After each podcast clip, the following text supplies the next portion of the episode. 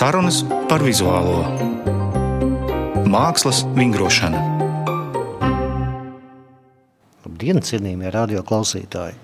Jūs klausāties raidījumu Mākslas vingrošana. To šodien vadīšu es, Vilnis Vējš. Un uh, studijā man ir divi gleznotāji, Andris Eglītis un Atis Jākapsons. Es, protams, domāju, vai mums vajadzētu runāt šodien kaut ko ļoti aktuālu, un, protams, mums vajadzētu.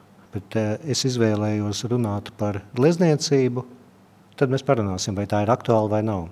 Impulsu man deva pats Kultūra Kapitāla fonda direktors Edgars Vērpe, kurš Covid krīzes karstumā parādījās televizora ekrānā un teica šādus vārdus, ka māksliniekiem nekas nemainās, viņi kā gleznojuši, tā glezno. Un tajā brīdī es mazliet apstulbu, domājot par to, kādu iespēju tas atstāja uz auditoriju, ko cilvēki domā par šo nolemto profesiju. No otras puses, sapratu, jā, ka droši vien Vērpskunga sieva Sandra Krastīņa glezno kā gleznojusi, jo ir šis ģimenes plecs, kuram nekas nemainās. Bet es nolēmu parunāt ar diviem māksliniekiem, gleznotājiem, vai jums arī bija tā, ka nekas nemainījās? Andri, ar tevi!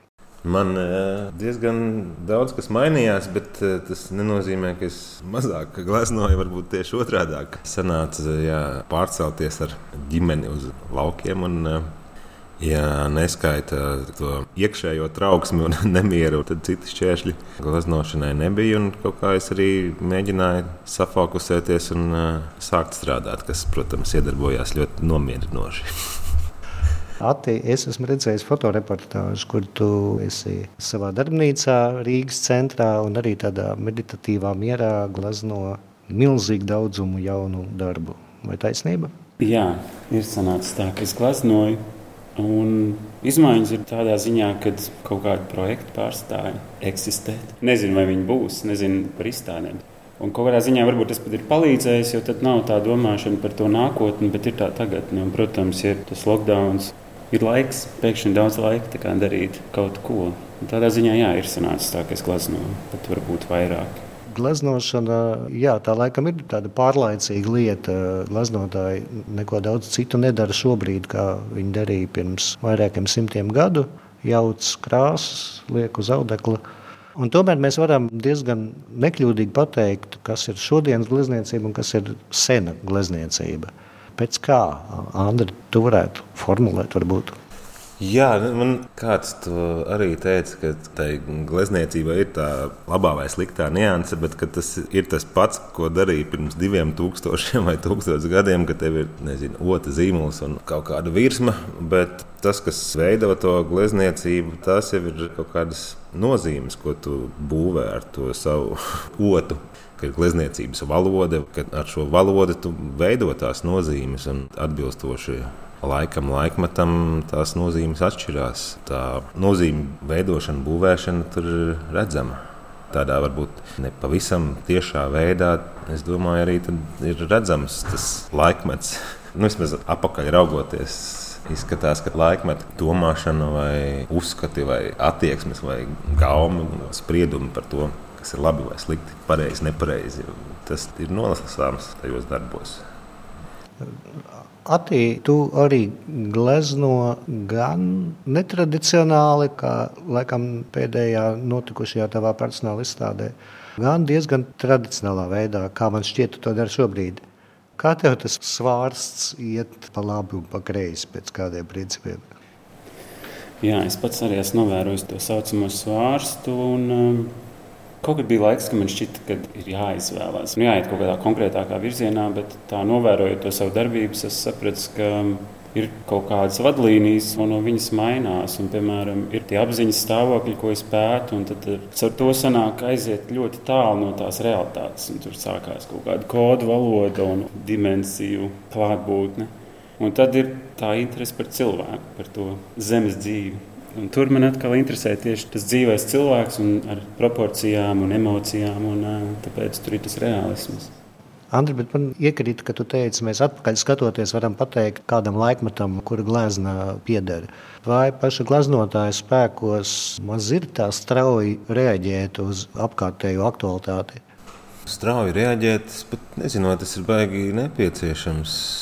Savā ziņā man šķiet, ka kaut kādas tās laika sajūtas mākslinieks, gleznotājs vai negleznotājs arī mēģina kondensēt tajā darbā. Gluži nevelšus, viņas tur kondensējās, domājot par kaut kādām vispārīgākām lietām. Man liekas, katram laikmetam vai laikam ir kaut kāda sava valoda, kura ir jāmeklē, lai tie darbi šķīstu aktuāli, vai saprotami, vai uzrunājoši. Vai tu reaģē uz to, kas notiek apkārt, vai to mēs varam redzēt tavās glazūrās? Es domāju, pirmkārt, cilvēks nav atdalāms no laika, kurā viņš dzīvo. Tas ir līdzīgi kā gaisa, ko mēs elpojam, vai ēdienas, ko mēs ēdam. Kļūst par daļu no mums, tie ir bioloģiski, šūnu līmenī. Un tad arī tā informācija tiek kaut kādā ziņā procesēta. Un es domāju, ka jā, viennozīmīgi jautājums ir, cik tieši tas ir nolasāms. Bet tie jautājumi, kas skar mani vismaz personīgāk, tie tur ir ļoti klātesoši. Un, un varbūt, piemēram, ar tām figūrām es meklēju to robežu, kurā brīdī es nesāku kaut ko pārlieku stāstīt cik abstrakts es varu palikt, bet tomēr izteikt kaut kādu domu vai sajūtu. Nu, lai tas nekļūst par tādu protesta kampaņu. Vai. Ja cilvēks ir saslēdzies un ja viņu interesē tas, kas šobrīd notiek, un viņu tas skar, tad viņš nevar par to nerunāt savos darbos. Tas būtu ļoti jocīgi. Tas būtu kā iet garām un neskatīties. Tur notiek kaut kas briesmīgs vai kaut kas ļoti labs. Mākslas vingrošana. Jūs varat klausīties raidījuma mākslas vingrošana arī savā podkāstu aplikācijā.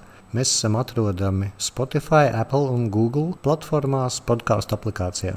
Es atgādināšu, ka mums studijā šobrīd ir divi gleznotāji, Andris Eglīts un Atis Jākapsons. Mēs runājam par to, vai glaznotājiem viss ir tāpat kā līdz šim. Par to, vai glezniecībai ir iespējams strauji reaģēt uz apkārtējiem notikumiem. Es aizdomājos pirms kāda laika, kad Mūksels mākslas salonā bija izstāde ar atmodas laiku glezniecību.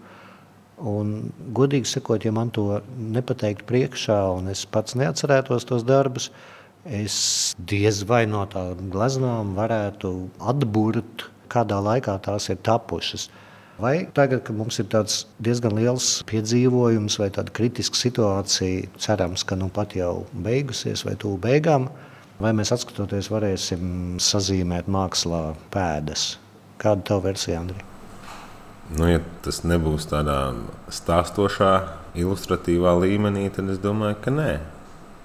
Es domāju, ka darbi mainīsies kaut kādā ziņā. Nu, vai viss pasaule kopumā mainīsies, bet vai uz pasauli un darbiem skatoties, mēs varēsim atšifrēt, ka tas ir bijis šis pandēmijas laiks. Ja tas nav tā ilustratīvi parādīts, tad es domāju, ka nē.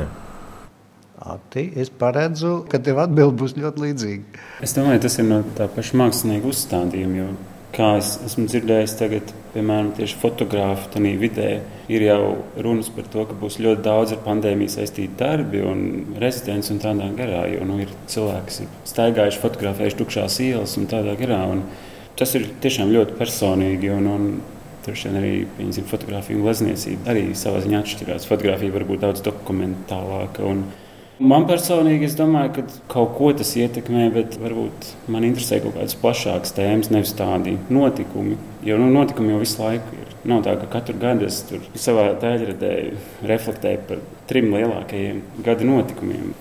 Viens ir tā pandēmija, bet otrs, kas notiek šobrīd Amerikā. Es domāju, ka tas gan varētu būt kaut kas, kas vairāk tiek risināts darbos. Arī es personīgi pārsvarā gleznoju balts, ādas krāsas cilvēks. Tas ir fakts. Un, un Es domāju, ka mainīsies tas, kā mēs uztveram rases. Es esmu saskāries ar to, ka, ja es esmu gribējis darbos runāt par citas ādas krāsas cilvēkiem, tad es saskaros ar to, ka es pat nezinu, kā to darīt, jo tas ir ļoti jūtīgs temats. Viena glezna man bija ar tumšas ādas krāsas portretu, un kaut kas to nosauc, ka tā ir objektifikācija. Nu, šobrīd tā tēma tiek aktualizēta. Un, kā es Instagramā daudz sekoju, ir daudz posti par to, kā par to runāt, kāpēc par to runāt. Un es domāju, ka notiek tā izglītošana tieši šī jautājumā. Tas varētu parādīties jā, darbos. Bet tāda klusēšana, mājās sēdēšana, tas jau es darīju pirms tam. Jā, un droši vien tas nepiedāvā tik spilgtus tēlus. Jo es domāju, objektificēšana, protams, attēlojums vienmēr atsaucas uz kādu objektu un attēlo. Iespēja ir, protams, neattēlot vispār neko. Bet pie praktiskākām lietām Es esmu pamanījis, ka tomēr valda tāds optimisms un valdīja visu laiku, ka ir jādara, jātaisa projekti, ja ne šādi, tad tādi, un visu laiku jāuztur tā mutuļošana. Nevienmēr tas ir bijis ļoti kvalitatīvi, bet jāatzīmē noteikti cilvēku labā grībā. Es saprotu, ka jūs arī droši vien esat ņēmuši dalību dažādos tādos projektos, kas ir nu, vismaz organizatoriskā ziņā tieši izrietēji no tās situācijas, kādā mēs bijām divus mēnešus. Es domāju, online izsoles, galerijas, digitalizācija, kas ir glezniecības iepazīšanai ļoti apšaubāms veidos. Vai ir šāda pieredze, Andri? Laikam, jā, es tajā ar teritoriju eh, atbalstīsim. Piedalos Labi, varbūt tas lokāli ir mazliet aktuālāk, bet pasaules mērogā jau tas, ka visas galerijas bez mazliet pāriet uz Instagram formātu un cilvēki tieši runājot par pirkšanu un kolekcionēšanu, bieži vien izvēlās darbus balstoties tikai uz telefonā redzēto. tas ir globāla parādība. Jā. Un kas nav pat tikai pandēmijas laikā, jā, jā. pavisam. Ati, vai tu esi iesaistījies, vai tu esi turējies malā? Nu, tā iesaistē, tā kā es pasniedzu akadēmijā, tad visas skates un, diploma darba aizstāvēšanas notiek online formātā. Nu, tie ir vienkārši apstākļi. Tas ir kaut kas, kas notiek.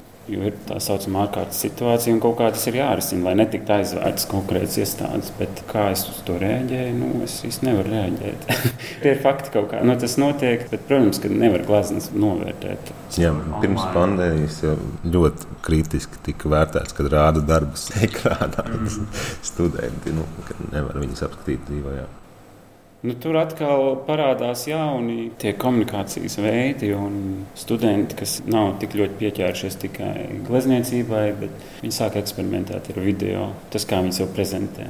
Piemēram, aizstāvēšanā ir cilvēki, kas runā kadrā, bet ir tādi, kas bija uztaisījuši video, un tad viņi ir domājuši par kustību, skaņu. Un, un, man liekas, tas ir interesanti atkal. Jo skaidrs, ka tie mēdīji jau pārklājās. Un, Tur ienāk tas performatīvais. Tā komunikācija jau ir jebkurā gadījumā online. Tur ir e-pasti, un viņiem ir iespēja apgūt šo lauku. -hmm. Tas ir pat labi. Es vēl vienu tēmu gribēju skart, ko es aizņēmos no kora diriģenta Mārsa Irmā, kurš teica, ka to, ko nevar darīt digitālajā vidē labi, varbūt tad nevajag darīt. Tu nu pat pieminēji kustību un skaņu. Varbūt vajag nekustēties un neskanēt kādu brīdi. Vai tāda stratēģija arī varētu nākt pa labu?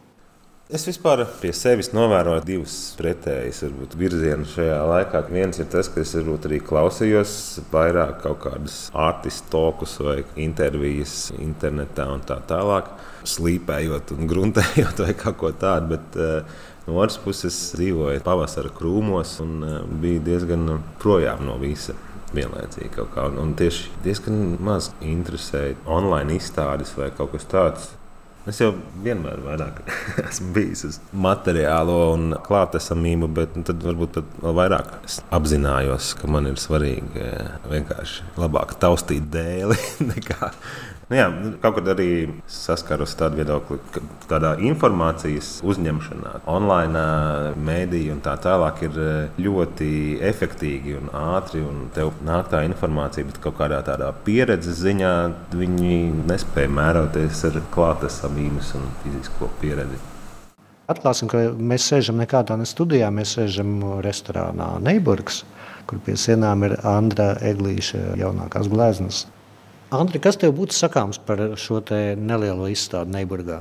Kāpēc viņi šeit atrodas vispār? Šeit notiek tāda pasākuma ar nosaukumu Prāta spā, kas radās eh, mums kopā Katrīnai Neiburgai ar eh, Satoriju, kā ideju radīt tādu vietu un eh, situāciju, kur cilvēki varētu satikties, sarunāties, nevis būt aizvien vairāk noraizējušamies par problēmām, bet tas ir tāds prāta spēks, kas ļauj pasauli ieraudzīt viņas brīnišķīgumā, brīnumainībā un tā tālāk. Tas formāts ir tāds, ka tas notiek reizi mēnesī, svētdienā. Ir saruna, uz kuru tiek aicināti divi cilvēki, ir uh, mūzika, vai nu pie klavierēm, vai kā savādāk, un e, kāds mākslinieks izstāda darbus. Un tie darbi paliek līdz nākošajam prāta spā.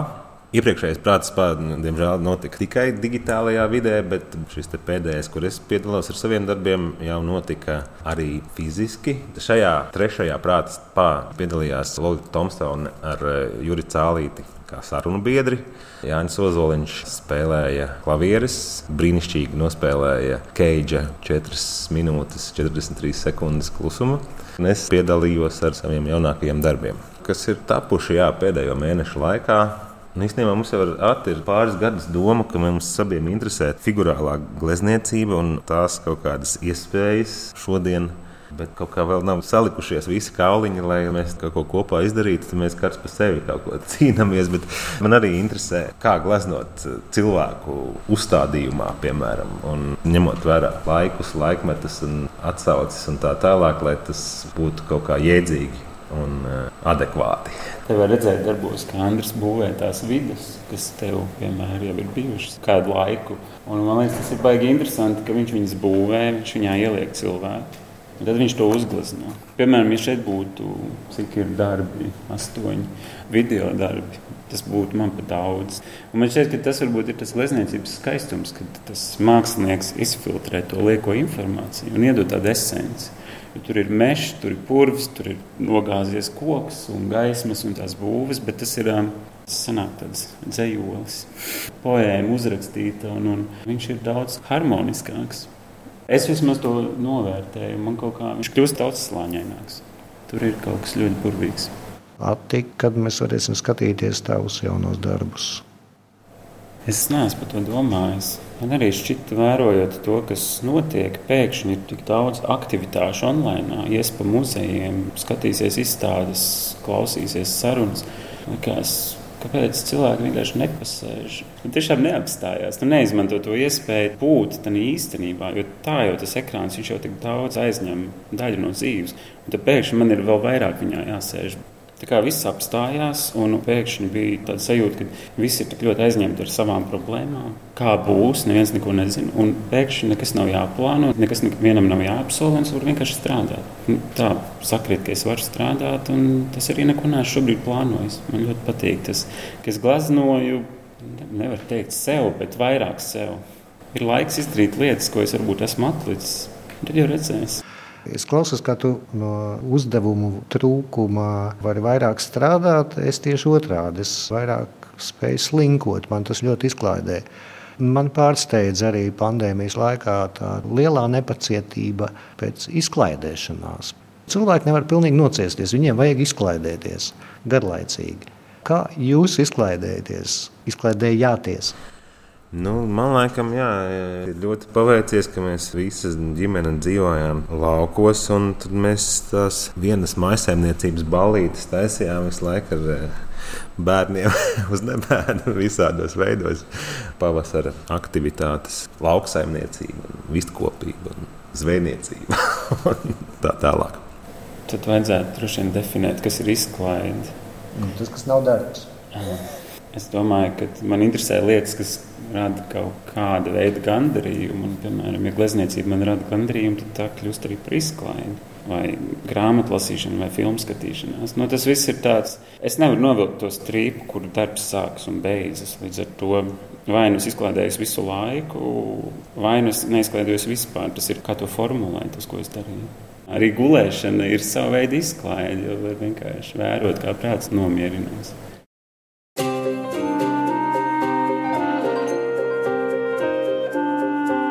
Mākslas vingrošana. Manai sākumam tam jautājumam par to, vai glaznotājiem viss ir kā parasti, un vai būs redzama kaut kāda reakcija uz pārdzīvotajām nepatikšanām šajā pavasarī, ir vēl tāda odarīta, ka mēs pagātnes glaznotājus mēs lielākoties pazīstam pēc viena perioda darbiem, pēc dažiem darbiem. Laimējas ļoti nedaudziem māksliniekiem, kurus mēs pazīstam pēc vairākiem periodiem, ja viņi ir laika gaitā mainījuši savu rokrakstu. Kā jums pašiem šķiet, vai teiksim, Anna Reglīte un Ati Jakobsona atcerēsies pēc perioda pirms Covid krīzes vai pēc? Nu, es bieži pieminu Aleksa Kaca citātu, ka labs gleznotājs sākas pēc 40. Es, es ceru, ka viss vēl priekšā tikai. Kaut gan man jāatzīmē, ka arī glaznotājiem, kas ir kļuvuši slaveni pēc 40, pēc tam visi ar lielu entuziasmu meklē agrīnos darbus un vēl, vēl agrīnākus, jo tie brieduma gada darbi jau ir izķerti. Un, ja mums izdodas atrast kādas slavenības ļoti agrīnu darbu, gan arī līdz skolas solam un bērnu dārzam, tad mākslas vēsturnieki, kritiķi un pētnieki ir ļoti sajūsmā. Bet tā ir mana piebilde. Bet nu, vēl jau otrs variants ir līdz 27. visu izdarīt un tad nomirt ātri. Arī zinām tādus talantus. Bet tā kā to es neesmu paspējis, Pateikt, jā, tad atliek cerēt uz otru variantu. atspūrina galvu. Es saprotu, tu neesi tādās perspektīvās, vai mazliet tomēr es domāju. Nē, nē, nē. nē. Es...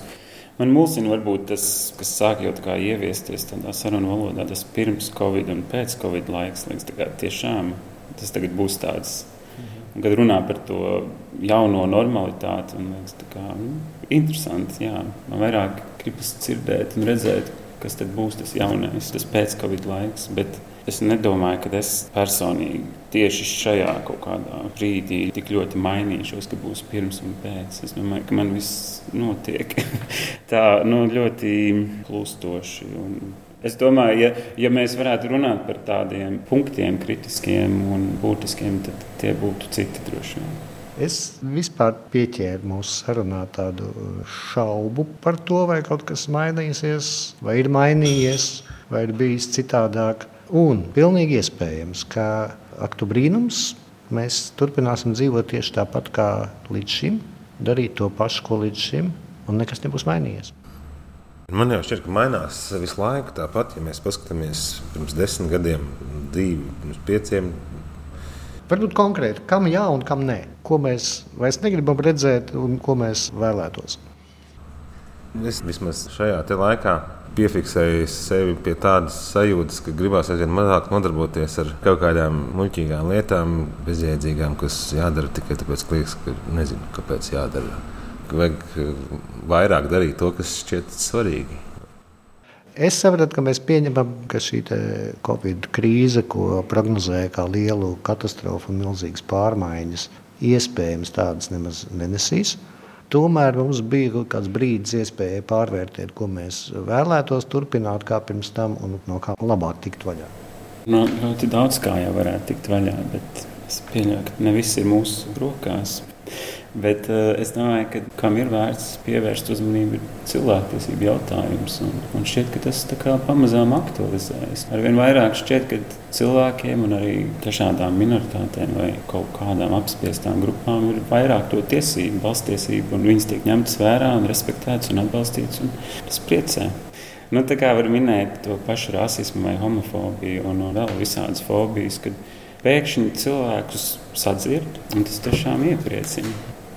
Šodien es lasīju, ka kaut kur Amerikā kaut kāds futbolists ir atlaists. Tāpēc, jo ir atrasts video, kur pirms trim gadiem viņš ir izteicis komentārus, kas ir bijuši naida kurinoši. Viņš tagad attaisnojās, ka tas ir bijis joks, un viņš tur ir imitējis kaut kādu akcentu un tēlu. Bet man liekas, tas ir brīnišķīgi, ka tādi gadījumi notiek, kad nevis uz to piemiedz acis, bet kaut kādas kompānijas un iestādes pasaka, ka mēs nepieļausim rasismu vai naidu kurināšanu vai vienalga kaut kādas tēmas. Un tas man liekas salīdzinoši jauna lieta. Man prieks, ka tas notiek.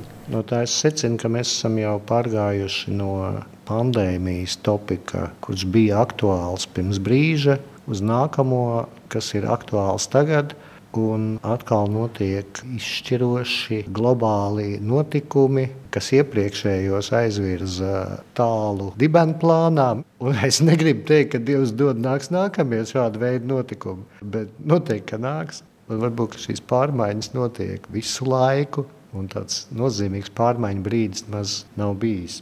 Šis bija sezonas pēdējais raidījums. Mums ir vasara priekšā, lai saskaitītu to, cik daudz pārmaiņu ir notikušas un cik vēl notiks. Cik lielā mērā tas skars glezniecību, kā ļoti konservatīvu mediju, bet tomēr tādu, kas spēj izteikt laikmetu garu, kā mēs secinājām šajā sarunā. Vai mēs varam glezniecību saukt par konservatīvu mediju? Andrija? Es teiktu, ka tas ir mēdījis, kas nemitīgi pašatjaunojās. un mēģina nebūt konservatīvs, vai dažkārt mēģina būt. Bet uh, katrā ziņā man neinteresē domāt par glezniecību kā konservatīvu mēdīju. Es pat teiktu, ka ir diezgan universāls mēdījis, tāpat kā valoda. Nu, tas ir tāds savā ziņā vistiešākais attēlu veidošanas Nu, fotografija ir visvienkāršākais un vistiešākais veids, kā izveidot mehānisku attēlu, bet kā veidot attēlu no nekā, tad tā ir glezniecība vistiešākais.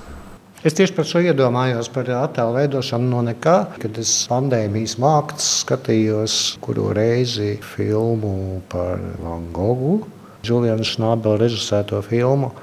Un es tieši iedomājos, cik trūcīgs ir fotogrāfiskā attēla iespējas salīdzinot ar to, ko var izdarīt glaznotājs ar krāsām un otu tieši uz balta audekla. Jo, lai kā brīnišķīgs operators nemēģinātu stilizēt realitāti un kaut kā deformēt, necik tālāk par tādu attālu un goga gleznas stilizāciju viņš netiek. Un tā realitāte pati iebāžās mākslas darbā, grib vai negrib. Viņi var tikai kaut kādā veidā jau esošo aprabēto estētiku rāmjos pašķobīt. Turpretī man goks ieraugot zābaku pāri, var ar otu un krāsas striepieniem veidot realitāti, kādu viņš grib. Es teiktu arī, ka ir fotografi, kas ir um, paplašinājuši realitāti, parādot kaut kādu jaunu veidu, kā uz to skatīties, un radot jaunu estētiku un tā tālāk. Tā es negribētu teikt, ka fotografija ir ierobežotāka ar glezniecību. Mm -hmm.